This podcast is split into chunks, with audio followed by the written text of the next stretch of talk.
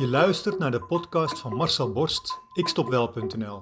Hoe je heel eenvoudig kunt stoppen met roken. Het is nu bijna acht weken geleden dat het startschot klonk. Ook voor jou misschien. Het startschot op 1 januari, waarna de meeste rokers massaal als lemmingen achter elkaar op wilskracht weer richting de afgrond lopen om daar allemaal knijterhard in het koude water van de rokersoceaan te vallen. Alweer. Na zes weken hebben de meeste rokers het al opgegeven. Na acht weken roken ze dan weer net zoveel of zelfs alweer meer dan voor die massale stoppoging.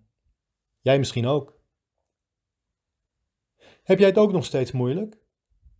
Ben je ook nog steeds emotioneel? Als je nog steeds bezig bent met jouw poging om te stoppen op wilskracht, dan neem ik mijn petje voor je af. 80% van je collega-stoppers zijn inmiddels alweer begonnen, maar jij nog niet. Jij hebt wilskracht. Ik ga je helpen om door te gaan. Zie de emotie die je voelt eens als een rodeo-stier. Of je in gedachten nu een echte of een neppertstier visualiseert, dat maakt even helemaal niks uit nu. Die stier staat daar dus midden in de kamer, met een grote strakke leren riem zo dwars over zijn ballen aangetrokken. Waar denk je anders dat hij zo doldriest van wordt? Probeer het zelf anders eens. Hij springt dus met zijn hele lijf alle kanten op, zou ik ook doen. Wil jij nu een ritje maken? Of blijf je liever op afstand kijken? Als je een ritje maakt, doe het dan vooral kort. Doe het dan het liefst zo kort mogelijk. Want bij elke sprong van dat beest gooit hij jou in de lucht en dan kom je soms heel akelig neer. Blauwe plekken op je billen, op je benen en met een beetje ongeluk ook jouw ballen in de verkeerde hoek terwijl je met je volle gewicht daarop neerkomt. Auw! Als je het ritje niet kort houdt, dan kom je er bont en blauw vanaf. Ik zelf kies in dit soort situaties het liefste voor de gemakkelijke weg. Maar jij bent niet je emotie. Jij bent niet de rijder op die stier. Jij neemt deze alleen maar waar.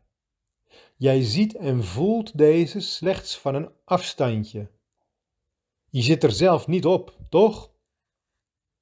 Ook de gevoelens die je wel echt lijkt te voelen, die zijn niet wat jij bent. Die registreer je alleen maar ergens in je lichaam. Neem eens wat afstand tot wat je voelt en beoordeel dan eens alsof je de toeschouwer bent van je eigen lichaam, van je eigen gevoel. Net zoals je zojuist deed bij de rondspringende stier.